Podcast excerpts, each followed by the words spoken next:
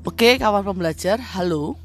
Di podcast kali ini, saya akan membahas bagaimana cara kita membedakan alat ukur yang baik, alat ukur yang bagus, alat ukur yang hasilnya dapat dipercaya dengan alat ukur yang tidak dapat dipercaya yang diagnosisnya mungkin saja ngawur atau hanya asal-asalan. Nah, teman-teman ketika kita memakai alat ukur, pastikan alat ukur yang kita pakai itu memang alat ukur yang baik alat ukur yang akurasinya jelas, yang hasilnya terpercaya. Karena kalau tidak, kita bisa-bisa salah terdiagnosis. Saya sering memberikan contoh pada mahasiswa saya, kalau seorang dokter salah mendiagnosis tidak masalah. Mungkin pasien itu mati, mati secara fisik. Tetapi kalau kita orang psikologi sampai salah mendiagnosis, fisiknya tidak pernah mati, tetapi mentalnya yang kita bunuh. Nah, itu sangat-sangat berbahaya. Saya sangat keras menekankan kepada mahasiswa saya bagaimana kita membuat alat ukur itu harus benar, harus baik supaya orang yang pakai alat ukur itu tidak sampai salah terdiagnosis. Nah, bagaimana cara kita membedakan alat ukur-alat ukur yang ada di luaran itu? Alat ukur-alat ukur yang bisa banyak kita temui dengan mudah di Google. Sama seperti contohnya kita memilih handphone. Ada banyak sekali merek handphone di Indonesia ini. Ada Samsung, ada iPhone, ada Oppo, ada Vivo, ada Xiaomi dan ada lain merek sebagainya. Dalam satu merek saja ada banyak tipenya. Misalnya saya bicara merek iPhone. iPhone secara spesifik iPhone tipe 11 saja. Ada berbagai mereknya iPhone 11, iPhone 11 Pro, iPhone 11 Pro Max dan lain sebagainya. Teman-teman, sama halnya dengan alat ukur. Alat ukur misalnya saya kasih contoh tes kepribadian.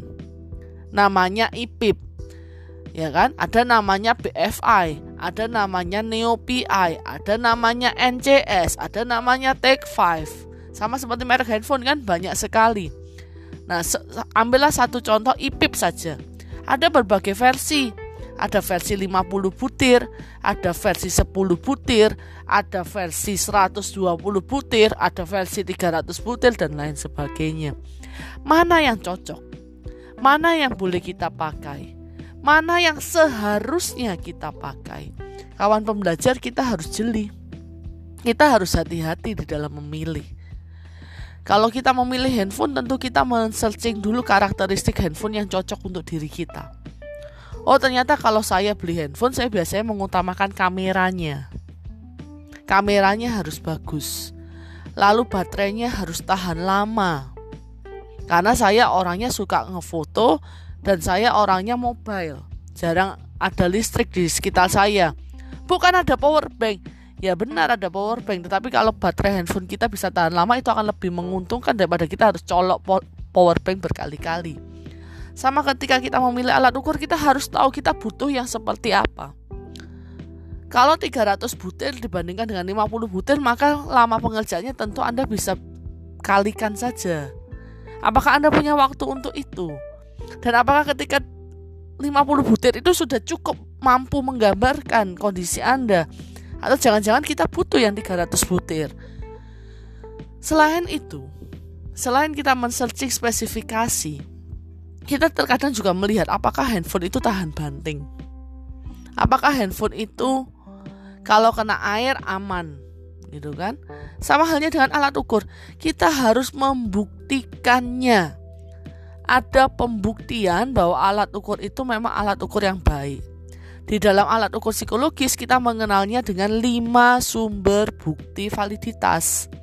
Ada lima sumber bukti yang bisa kita pakai. Yang pertama adalah sumber bukti berdasarkan isi. Yang kedua, sumber bukti berdasarkan proses respon.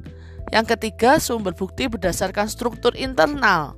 Yang keempat, sumber bukti berdasarkan hubungannya dengan variabel lain. Dan yang kelima adalah sumber bukti dengan dampak pengukuran. Nah, apakah semuanya harus terbukti? Apakah satu alat ukur harus memiliki lima sumber bukti? Jawabannya tidak. Lalu minimal berapa? Maksimal berapa? Tidak ada literatur yang secara pasti mengatakan berapa minimalnya.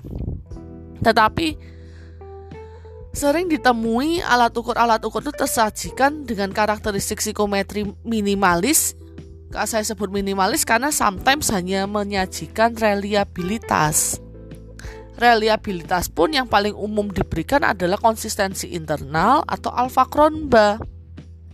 Nah, teman-teman, kawan pembelajar harus tahu bahwa alfa kronba itu hanya membahas reliabilitas.